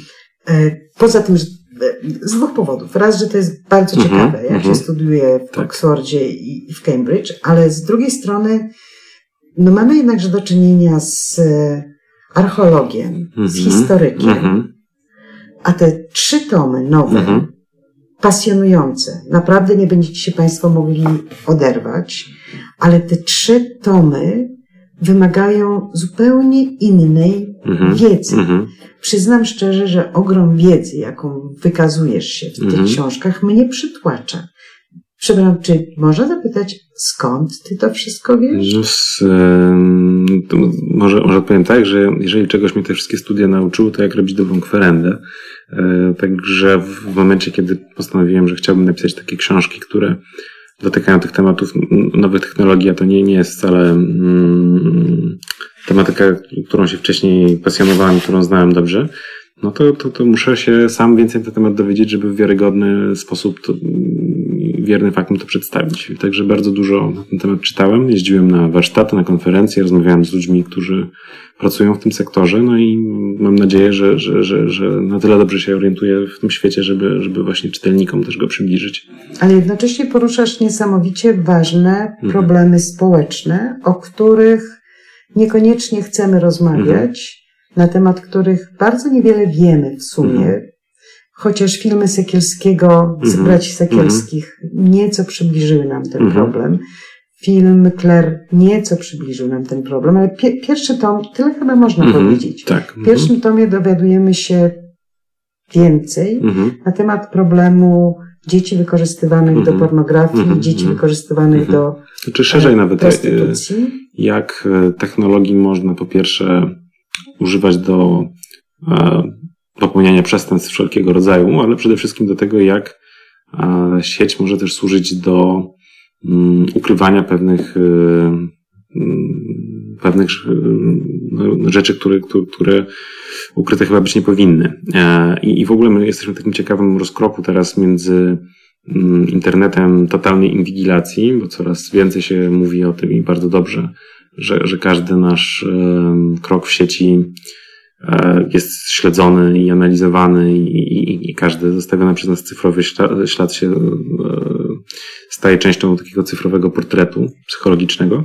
A z drugiej strony mamy świat totalnej anonimowości, gdzie można zupełnie nie martwiąc się konsekwencje e, oddawać różnym, różnym e, ciągotom i, i, i, mrocznym potrzeptom.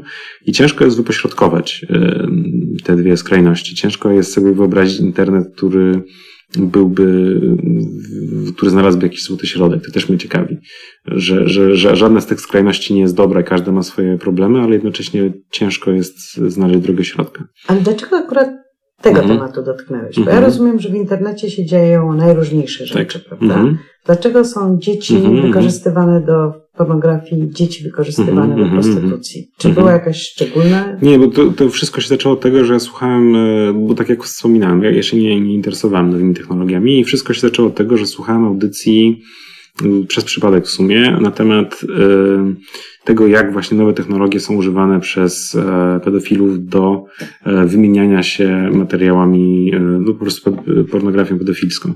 I, i w związku mam z tym, tak, Nie nazywajmy tego Tak. pornografią Tak, pedofilską. Mówmy o dzieciach wykorzystywanych Dobrze. do pornografii. Dobra. Też nie mówmy o... ja Mam generalnie do Państwa Mhm. problem, e, prośbę.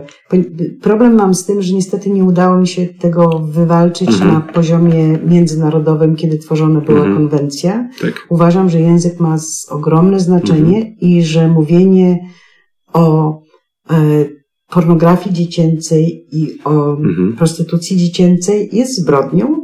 Są Mhm. dzieci wykorzystywane do Mhm, pornografii, są Mhm. dzieci wykorzystywane do prostytucji, są dzieci wykorzystywane do nadużyć seksualnych.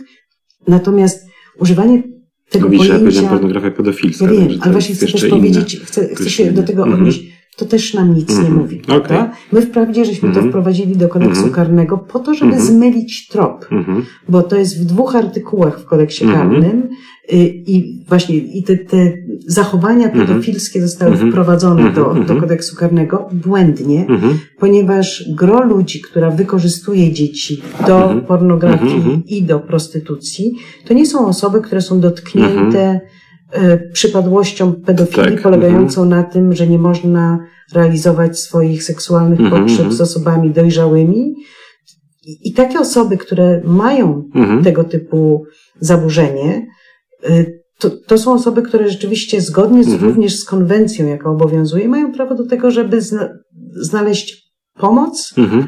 po to, żeby nie Mhm, wykorzystywać tak. dzieci. Mhm. Gro ludzi, która wykorzystuje do Mhm. tego dzieci, korzysta z tych zdjęć, to są osoby, które nie są najczęściej Mhm. pedofilami Mhm. sensu stricto, Mhm. tylko są osobami, które są przyzwyczajone, mają poczucie, że Mhm. mogą Mhm. Przedmiotowo traktować dzieci Mhm. jako przedmioty Tak. i obiekty seksualne. Stąd też Dobrze. Ja zawsze chętnie się posłucham mądrzejszej osoby, więc mogę e, się tutaj przerzucić na, na, na, na takie określenie. No w każdym razie y, słucham audycji o tym, jak internet jest wykorzystywany, żeby materiały, powiedzmy, utrwalające wykorzystywanie dzieci e, kolportowe, żeby się nimi wymieniać. To co, i, myślę, że to szczególnie jakby mnie uderzyło, bo jak słuchałem tej audycji, to byłem na spacerze z moją półroczną wówczas córką, którą, którą pchałem w wózku, więc no, jakby kontrast pomiędzy tym, co słyszałem, a tym, co widziałem i, i, i był, był, był bardzo taki e, ostry i, i przez to zapadający w pamięć, jakoś poruszający. Mm, I, I to, co jakby dla mnie było ciekawe, to to, że w latach 90. myślano, że, że problem y, kolportowania takich materiałów zostanie trwale rozwiązany, bo każde z, zdjęć będących w obiegu miało swój numerek y, i w związku z tym, że tak ciężko było kopiować tego rodzaju materiały, tak ciężko było e, znaleźć y, miejsce, gdzie można było zrobić odbitki i, i, i te materiały rozsyłać, wydawało się, że to zostanie po prostu trwale rozwiązane, tak? Że będzie jak z ospą prawdziwą, że po prostu ten problem zniknie. Że oczywiście nie zniknie problem pedofilii, ale przynajmniej e, te- ten, ten e, kolportowanie takich materiałów zostanie rzeczywiście e, zakończone, przynajmniej w jakimś, na- szerszą skalę.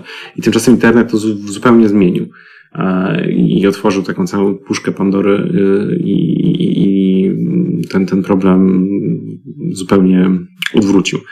I to było coś, co mnie no, zaintrygowało, co, co, co, co mnie zaniepokoiło i, i czułem, że to jest coś, co, o czym chciałbym wiedzieć więcej. Mm, I, I to jest też temat, który w tym pierwszym tomie jest, jest poruszony. w drugim tomie natomiast Mhm. pokazujesz, jak wygląda tak naprawdę nasze użytkowanie Facebooka i Mhm. innych mediów, do jakiego stopnia to my użytkujemy, a do jakiego Mhm. stopnia jesteśmy użytkowani. Tak, tak. No takim hasłem, które to dobrze zgrabnie podsumowuje i też takim, które dosyć często teraz e, pada, to jest to, że my nie jesteśmy użytkownikami tych wszystkich e, portali, tylko produktem, czy raczej może źródłem cennego zasobu, jakim są dane. E, I cały ten drugi tom jest właśnie o tym, jak e, my jesteśmy eksploatowani, jak są zbierane na nasz temat dane i co z nimi można zrobić. I no jest to taki, wydaje mi się, nietypowy kryminał, bo tam niewiele jest, e, czy, czy nie, nie, nie, może, może inaczej, nietypowa powieść sensacyjna, bo tam nie ma pościgów, wybuchów i helikopterów. No trochę natomiast jest. Pościgów? Pościgów może nie, ale to są różne ścigania się. No to może ścigania po, sieci, po, kablach, sieci. tak, tak. One właśnie, No, tak. to, Mhm. to, to jest myśl, która mi przyszła do głowy, że Mhm, tak mhm. naprawdę toczy się wojna, Mhm, tylko że no, ona trochę że inaczej tak. wygląda. Tak, tak, tak. Ona tak. nie jest taką wojną, do jakiej żeśmy jest przywykli, natomiast nami. Mhm. ona niesie te same trupy, ona niesie te same nieszczęścia i ona niesie też zniszczenia. To, to jest prawda. Jest taka bardzo fajna książka dziennikarza New York Timesa e, Petera Zengera, jeżeli dobrze pamiętam, e, The Perfect Weapon, która opisuje właśnie jak się okazało, że internet jest świetną e, bronią do takiej walki zaczepnej, partyzanckiej, jak w ogóle zmieniła mm, bilans sił światowy. I to jest absolutnie prawda, że, że internet tutaj bardzo dużo zmienił. To ja Państwa bardzo Mhm. naprawdę szczerze zachęcam zarówno do pierwszego tomu, cokolwiek wybierzesz, i do drugiego, kimkolwiek jesteś, do przeczytania. Nie będziecie żałować, o, zarwiecie noc, nie będziecie się mogli oderwać, ale to jest też książka, która trochę Was przestraszy, ale Mhm. w taki pozytywny sposób, że może, e, że może się zastanowicie, i to jest ostatnie pytanie Mhm. przed przerwą, Mhm, co powiedzieć młodej posłance, mhm, która razem z ojcem tego dziecka e, chwali się na portalu publicznym na Facebooku Mhm. zdjęciem swojego nowonarodzonego dzieciaka, pokazując jego twarz. mhm, mhm. Ja jej nic nie powiem, ale co ty byś jej powiedział? Ojej, a ile mam czasu? E, bo powiedziałeś, że tuż przed przerwą, ja bym jej bardzo dużo rzeczy powiedział, ale e, najkrócej bym powiedział, żeby tego nie robiła. Bo bo, mm, bo Facebook nie jest albumem ze zdjęciami, które pokazujemy znajomym, tylko pokazujemy go całemu światu i z informacji, które sobie udostępniamy, można wyczytać dalece więcej niż nam się wydaje. Bo myślę, że my już teraz zdajemy sobie sprawę, że no nie powinniśmy na Facebooku, nie wiem, pokazywać zdjęcia swojej karty kredytowej albo y, mówić, że zostawiliśmy klucze pod wycieraczką, bo gdzieś już jesteśmy świadomi, że to może przeczytać ktoś poza naszymi przyjaciółmi, ale nie jesteśmy świadomi do końca tego, że e, w, dobie big data i sztucznych inteligencji można bardzo dużo wyczytać też z tego, jakich słów używamy, jak długie są nasze wpisy, jak często je tam umieszczamy, E, jakie zdjęcia wrzucamy i, i tak dalej, i tak dalej. Czyli każdy wpis na nasz temat, czy już wykonany przez nas, jest e, e, punktem w zbiorze danych, który jakby im, im jest większy, tym też więcej informacji na nasz temat przekazuje. Szczególnie jeżeli chodzi o zdjęcia, o zdjęcia też twarzy. Żyjemy już w świecie, w którym z samej twarzy można bardzo wiele wyczytać. E, I e, też jest tak, że z, już dzisiaj wrzucamy do sieci z materiałów, które nigdy z niej nie znikną, a to, ile z nich będziemy w stanie wyczytać w przyszłości, to się dowiemy za, za czas jakiś. Są teraz takie bardzo ciekawe badania, które mm, na Stanfordzie są e, robione gdzie na przykład na podstawie rysów twarzy, owalu twarzy można e, na przykład e, z dużą dozą prawdopodobieństwa określić portret psychologiczny danej osoby, czy jest introwertyczna, czy... to nie jest science fiction. Nie, nie, nie, nie, nie, nie. nie to, to, są badania, to są badania, które się teraz prowadzi. To też jakby mm, był, był, też właśnie, to jest, to jest E, Kosiński to jest, to, to jest taki bardzo ciekawy badacz na, na, na Stanfordzie, który też pokazywał, że na, na, na podstawie analizy zdjęć można z jego zdaniem, tak dowodzi w artykule, który się ukazał w prasie naukowej, określić e, z du dużą, dużą dozą prawdopodobieństwa orientację seksualną danej osoby. Mm, tylko na podstawie zdjęcia i twarzy. E, no to jest kontestowane przez wiele osób, ale jednocześnie jakby on, on jest dosyć pewny tutaj swojej, swojej metodologii.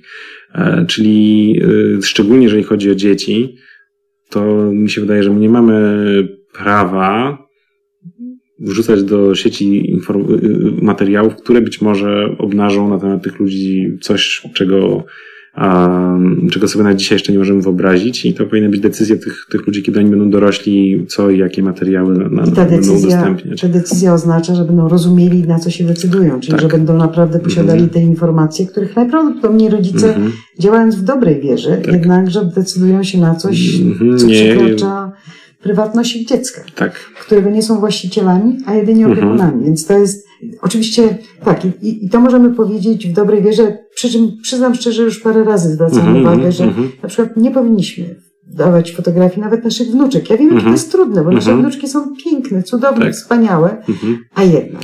Ale jak będą dorosłymi, dorosłymi ludźmi, to może nie chcieliby, żeby zdjęcia z ich dzieciństwa były publicznie dostępne w sieci, prawda? To jest taki już najbardziej podstawowy argument. Dobra, czyli tego nie robimy. I teraz zapraszam Państwa na kolejną przerwę muzyczną. Zapraszam Państwa do wspierania Halo Radio, bo tak naprawdę dzięki Wam funkcjonujemy i Wam chętnie służymy. I za chwilę wracamy i już będziemy mówić o najnowszej książce Jakuba Szamałka. Słuchajcie powtórki programu.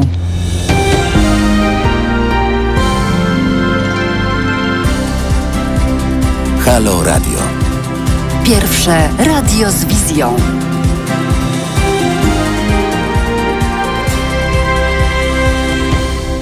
Dzień dobry raz jeszcze. Witamy się ponownie. Jesteśmy w studio Halo Radio. Jest e, nowy dzień, mhm. a w studio nadal Jakub Szamałek, pisarz, naukowiec, twórca, współtwórca różnych gier. Mhm w CD Projekcie. I mówimy w tej chwili już w ostatniej części, ponieważ prawda jest taka, że Jakub Przemałek, pomimo tego, że jest noc, będzie mm. miał kolejne zajęcia i mm. będzie musiał do nich tak. gnać.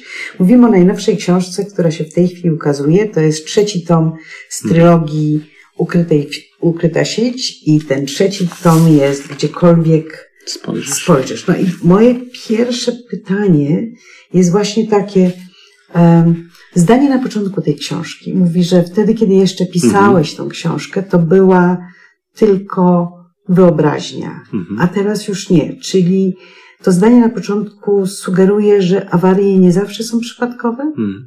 Znaczy ono y, nawiązuje do tego, że przyszłość e, jest bliżej niż nam się wydaje. Że, że, że ten postęp technologiczny już teraz zaszedł dalej niż nam się wydaje i że mm, jakby bardzo istotne zmiany, które, które będą konsekwencją tego postępu są coraz nas bliżej. A tutaj konkretnie się odnoszę do, do algorytmów tworzących tekst, y, bo, czy do sztucznych inteligencji, które tworzą, syntetyzują tekst, y, bo, bo to jest y, temat ważny do tej powieści. tak Mhm. ludzkim językiem Tak, ludzkim bardziej. językiem. Ludzkim językiem to y, sztuczne inteligencje, które nam y, się kojarzą ze science, fiction, stają się czymś coraz bardziej obecnym.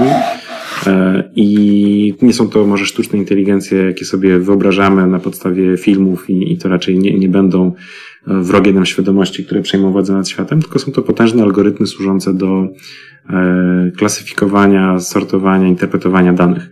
E, i- Przepraszam, że tak. przerwę, bo Yuval Noah Mhm. Harari, Tak. 21 lekcji Mhm. for the 21st century, na XXI wiek, poświęcił całą książkę tym Mhm. najróżniejszym zagrożeniom, między innymi zagrożeniom, które się wiążą z Mhm. wyborami. Mhm. E, Co się znów okazało, że nie Mhm. jest to niemożliwe, o czym ty pisałeś znacznie Tak. wcześniej niż się to stało w rzeczywistości, Mhm. więc niejako wyprzedziłeś to. Nie wiem, czyś nie poddał myśli takiej. Nie, to nie, znaczy kimkolwiek tomie. jesteś już wyszło po wyborach w Stanach, więc tam już mieliśmy taką, e, taki przedsmak tego wszystkiego, także, także to nie jest, aż tak nie wyprzedziłem swojej epoki, aczkolwiek no, niektóre, niektóre rzeczy w naszym rodzimym rynku po prostu doganiają te, te już wypracowane wzory.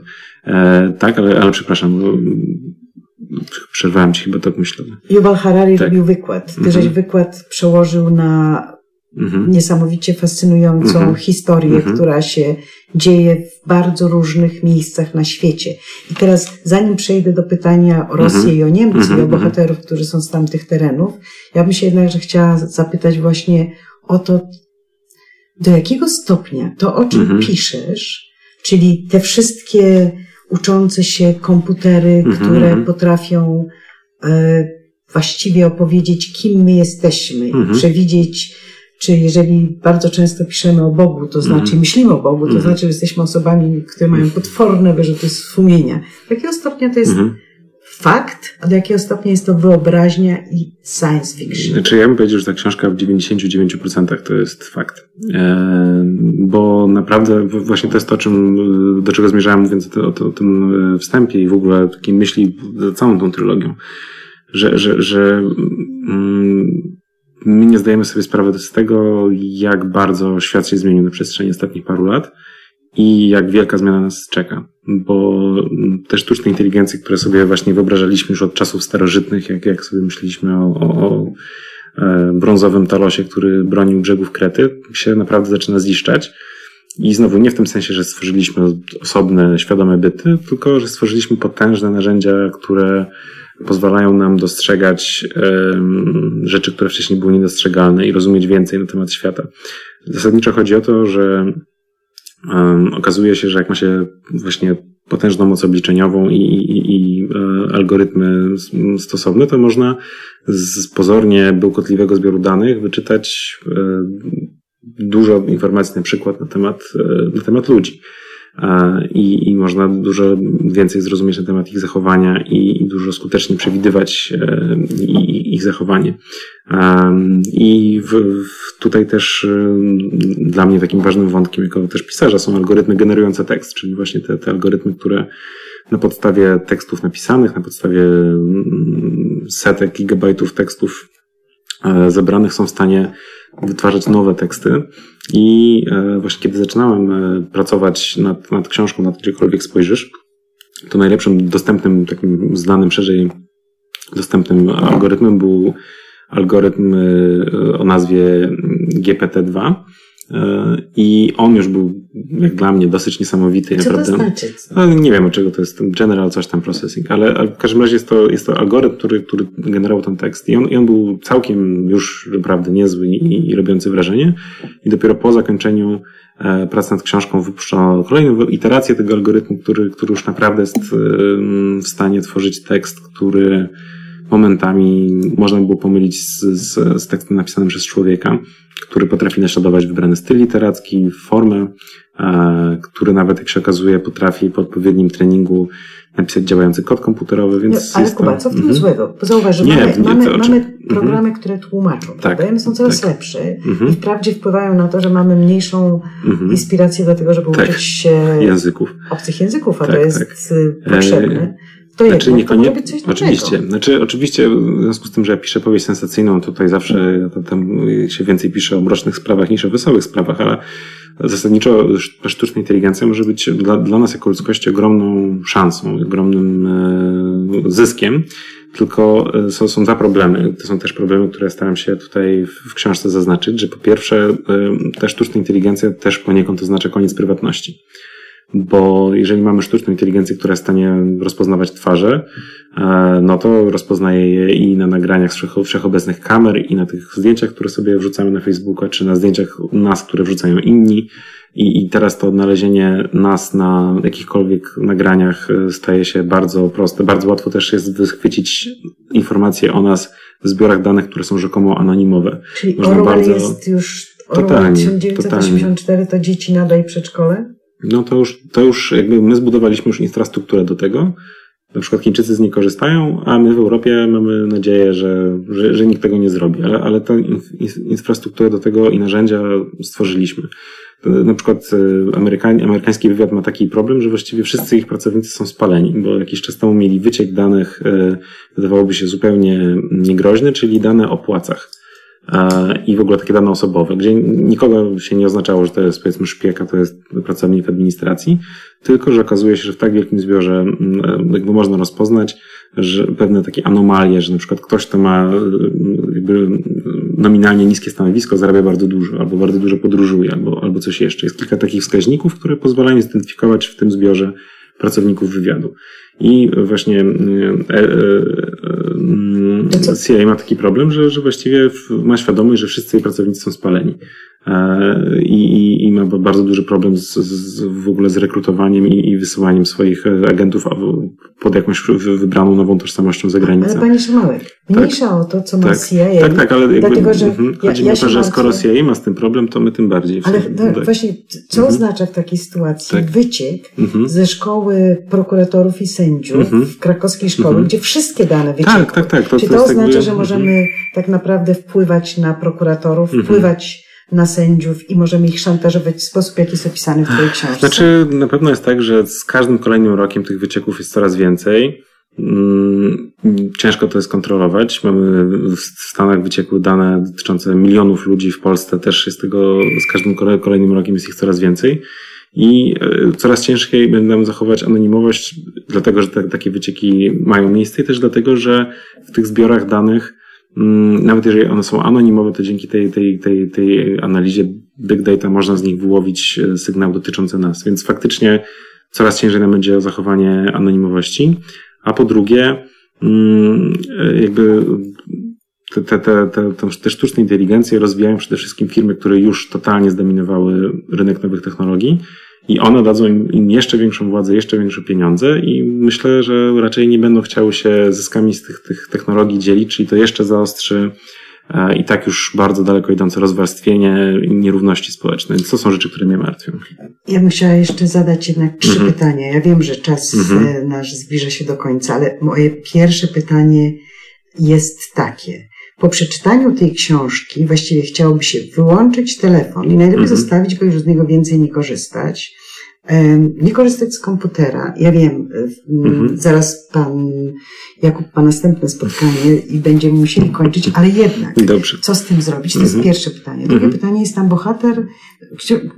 Akcja toczy się w Stanach Zjednoczonych, w Niemczech, w Rosji, toczy się na, przy, na przełomie lat od 1992 bądź 3 roku do 2021 e, i e, jest bohater, który mhm. prawie jest jak z Dostojewskiego. Mhm. Mógłby być dobry, mhm. gdybyśmy go docenili. Mhm. I czy to jest świadome pokazanie, że nie ma złych ludzi, mhm. ale czasami złe sytuacje mhm. mogą się przyczynić do tego, że zaczynamy działać nie tak? I trzecia, co powinnam zapytać, a nie zapytałam, Poza tym, że naprawdę mm -hmm. zachęcam do przeczytania książki. Mm -hmm. E, jeżeli chodzi o to pierwsze pytanie, co powinniśmy zrobić, to niestety, ja, mimo że piszę o tych sprawach, no to nie, nie jestem ekspertem do spraw nowych technologii. I oczywiście są pewne rozwiązania, które jakby na przykład mogą nam ułatwić zachowanie prywatności. E, także tutaj polecam e, słuchaczom portal niebezpiecznik.pl, gdzie są rady, jak, jak się w tej sieci bezpiecznie zachowywać w przystępny sposób wyłożone. Od tego możemy zacząć, ale myślę, że wszyscy powinniśmy być świadomi tego, że internet nie jest przyjaznym nam miejscem koniecznie, mimo tych wszystkich słodkich interfejsów i, i, i kolorowych banerów, zachowywać się w nim rozsądnie, tak jak, Co to znaczy? no tak jak nie, nie, nie, nie po prostu trzeba sobie wyrobić takie podstawowe mm, e, zasady, żeby nie ufać, że wszystko, co się wierzy, co się, co się czyta i, i dbać o to, gdzie się swoje informacje zostawia, Jak w jakim sprawdzać, zakresie. czy to są boty, czy nie boty, czy sztuczne No to już, informacje? to jest temat rzeka. Na nowe- ale na myślę, inne tak, może audycje. chętnie się umówię jeszcze raz Tak, na- i, na żywo. i, i, i na żywo i opowiem więcej na ten temat, na tyle, na ile sam się na tym znam. Także wydaje mi się, że trzeba być po prostu trochę ostrożniejszym w tej sieci i w ogóle interesować się tym tematem, bo, bo, bo jakby myślę, że takim kuszącym eskapizmem jest mówienie, a nie interesuję się nowymi technologiami, mnie to nie dotyczy, kimże ja jestem, żeby ktoś tutaj zbierał mnie dane, ale, ale ten moment już minął i wszyscy jesteśmy ciekawi jako po prostu zbiór, jako element w zbiorze danych. Ty nie wspominasz o Pegasusie, ale on działa, Tak, prawda? tak, no to, to, to jest między innymi jeszcze to osobny też temat rzeka, czyli o tym, jak po prostu e, te nowe technologie, tak, dokładnie poszerzają asortyment y, narzędzi do inwigilacji.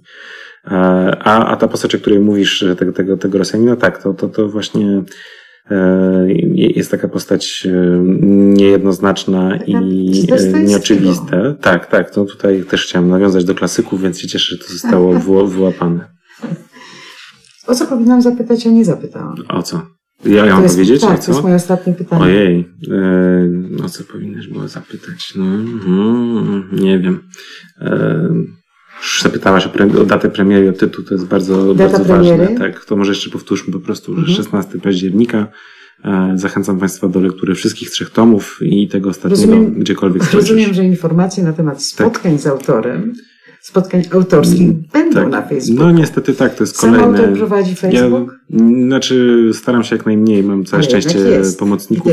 Tak, znaczy jestem świadomy ironii tego wszystkiego, ale właśnie to, to jest y, też trochę straszne, że ta, y, że, że, że, że ta agora nasza do wymiany informacji, myśli, zdań, czyli, czyli ten Facebook jest czymś poza naszą kontrolą i, i też miejscem, które wcale też nie jest przyjazne użytkownikom, ale, ale no niestety nie mamy często wyboru, bo też nie ma alternatyw do tego. Nie rozmawialiśmy o stronie romantycznej i historii, które się Mhm. dzieją między głównymi bohaterami, ale są równie fascynujące i świetnie opisane. Gratuluję. Natomiast, e, ponieważ musimy skończyć i będziecie Państwo mogli posłuchać przez to troszkę więcej muzyki i pomyśleć o tym, co się działo, te wszystkie słowa, algorytmy, e, komputery i programy czasami bywają skomplikowane. Ja jednak zostawiam Państwa z tym zdaniem nieznajomość matematyki języki, języków programowych stała się formą analfabetyzmu. Czy starzy ludzie też się mogą tego nauczyć? Myślę, że no, oczywiście nigdy nie jest za późno naukę. Nie, nie wiem, czy koniecznie trzeba umieć programować, ale wydaje mi się, że wszyscy powinniśmy się interesować tym, jak te technologie działają, bo wszyscy z nich korzystamy i one wpływają nie tylko na nas indywidualnie, ale na społeczeństwo, w jakim żyjemy i na kraj, i na to, jak, jak, jak, jak działają wybory, jak działają politycy. Także nic nas nie zwalnia z tego, żeby o tych technologiach nie myśleć, bo czy chcemy, czy nie, to one są coraz ważniejszą częścią naszej rzeczywistości i codzienności. Jakub Przemałek był naszym gościem w studio Halo Radio. Bardzo serdecznie Ci dziękuję. Dziękuję. Bardzo również. raz jeszcze Państwa zachęcam do zapoznania się, do przeczytania naprawdę świetnych kryminałów. E, Dziękuję słuchaczkom i słuchaczom. Życzę Państwu dobrej nocy i do usłyszenia za tydzień, jak zwykle w środę. Kłaniam się. Dziękuję również. Pozdrawiam, Monika Płatek. A jednak jeszcze nie skończyliśmy audycji. Zatrzymajcie się Państwo. Jeszcze, jeszcze nie odchodźcie od e, odbiorników, od komputerów, bo Jakub Szamałek jako osoba skromna mógł to pominąć, ale ja jako prowadząca audycję jednak nie. Jakub Szamałek już sobie poszedł, więc tym bardziej możemy przez chwilę porozmawiać o nim i o jego sukcesach, bez kłopotu, że będzie się czerwienił. Jakub Szamałek e, napisał książki i do mnie, szczerze mówiąc, należało powiedzieć o nich trochę więcej, ponieważ autor jest niezwykle ważny, ale nie mniej ważne jest wydawnictwo. Więc trzy pierwsze tomy, które mówią o Leo Haresie i o jego kryminalnych przygodach, wydało warszawskie wydawnictwo literackie Muza S.A. Kiedy Atena odwraca wzrok, wyszło w roku 2011 i w roku 2012 za tą książkę Jakub Szamałek został doceniony przez czytelników. Otrzymał nagrodę wielkiego kalibru właśnie czytelników. Następnie kolejna książka, może niegościnne, to jest również książka, która brała nowa powieść laureata Nagrody Wielkiego Kalibru Czytelników z 2012 roku, też wydane przez wydawnictwo literackie Muza S.A.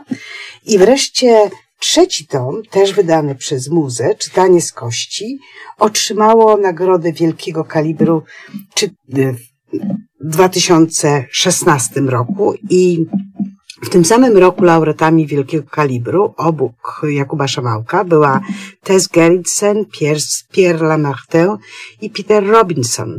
Także znalazł się wśród wspaniałych również pisarzy. I teraz kolejne książki Kuby Szamałka. Pierwsza kimkolwiek jesteś, druga ukryta sieć i trzecia, która w tej chwili będzie wychodzić, to są wszystko książki wydane przez wydawnictwo WAB e, w Warszawie. I też, e, co jest ważne, za te książki z jednej strony e, Kuba Szamałek znalazł się wśród e, nominacji kryminalnej piły, to jest nominacja do nagrody kryminalnej piły dla najlepszej polskiej miejskiej powieści. I tutaj Kuba Szamałek jest w towarzystwie Piotra Bojarskiego za Szmery, Tomasza Duszyńskiego za Glac, Małgorzaty i Michała Kuźmińskim za Marę, Anny Potyry za Pchłę i za cokolwiek wybierasz Jakub Szamałek. No i też last but not least, e, tegoroczne nominacje do wielkiego kalibru. Wśród tegorocznych nominacji do wielkiego kalibru również jest Jakub Szamałek. Wśród siedmiu najlepszych polskich książek kryminalnych, obok Tomasza Duszyńskiego za Toksycznych, Marty Guzowskiej za Raj, Kozby Michała Kuzborskiego za Paradoks Kłamcy, Roberta Małackiego za Wady, Jędrzeja Pasierskiego za Roztopy, Idy Żmijewskiej za Warszawiankę i Jakub Szamałek e, za ukrytą sieć, kimkolwiek jesteś. Raz jeszcze wydawnictwo WAP.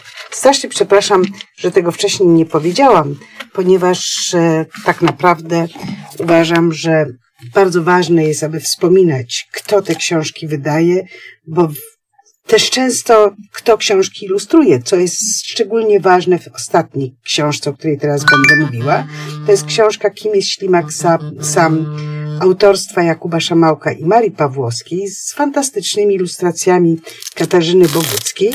Ta książka została po raz pierwszy wydana przez e, wydawnictwo polityki krytycznej w roku, zaglądam do książki, staram się to ustalić, kiedy było pierwsze wydanie, w 2015 roku. Ale o tej książce, ja niestety nie mam przed sobą dodatkowych egzemplarzy, ale o tej książce warto powiedzieć to, że została przetłumaczona i wydała, wydana w tych samych ilustracjach Katarzyny Boguckiej, zarówno w Niemczech po niemiecku, jak i w Chinach i w Hongkongu, co daje tej książce ogromną, ogromną ogromną pulę czytelników i czytelniczek.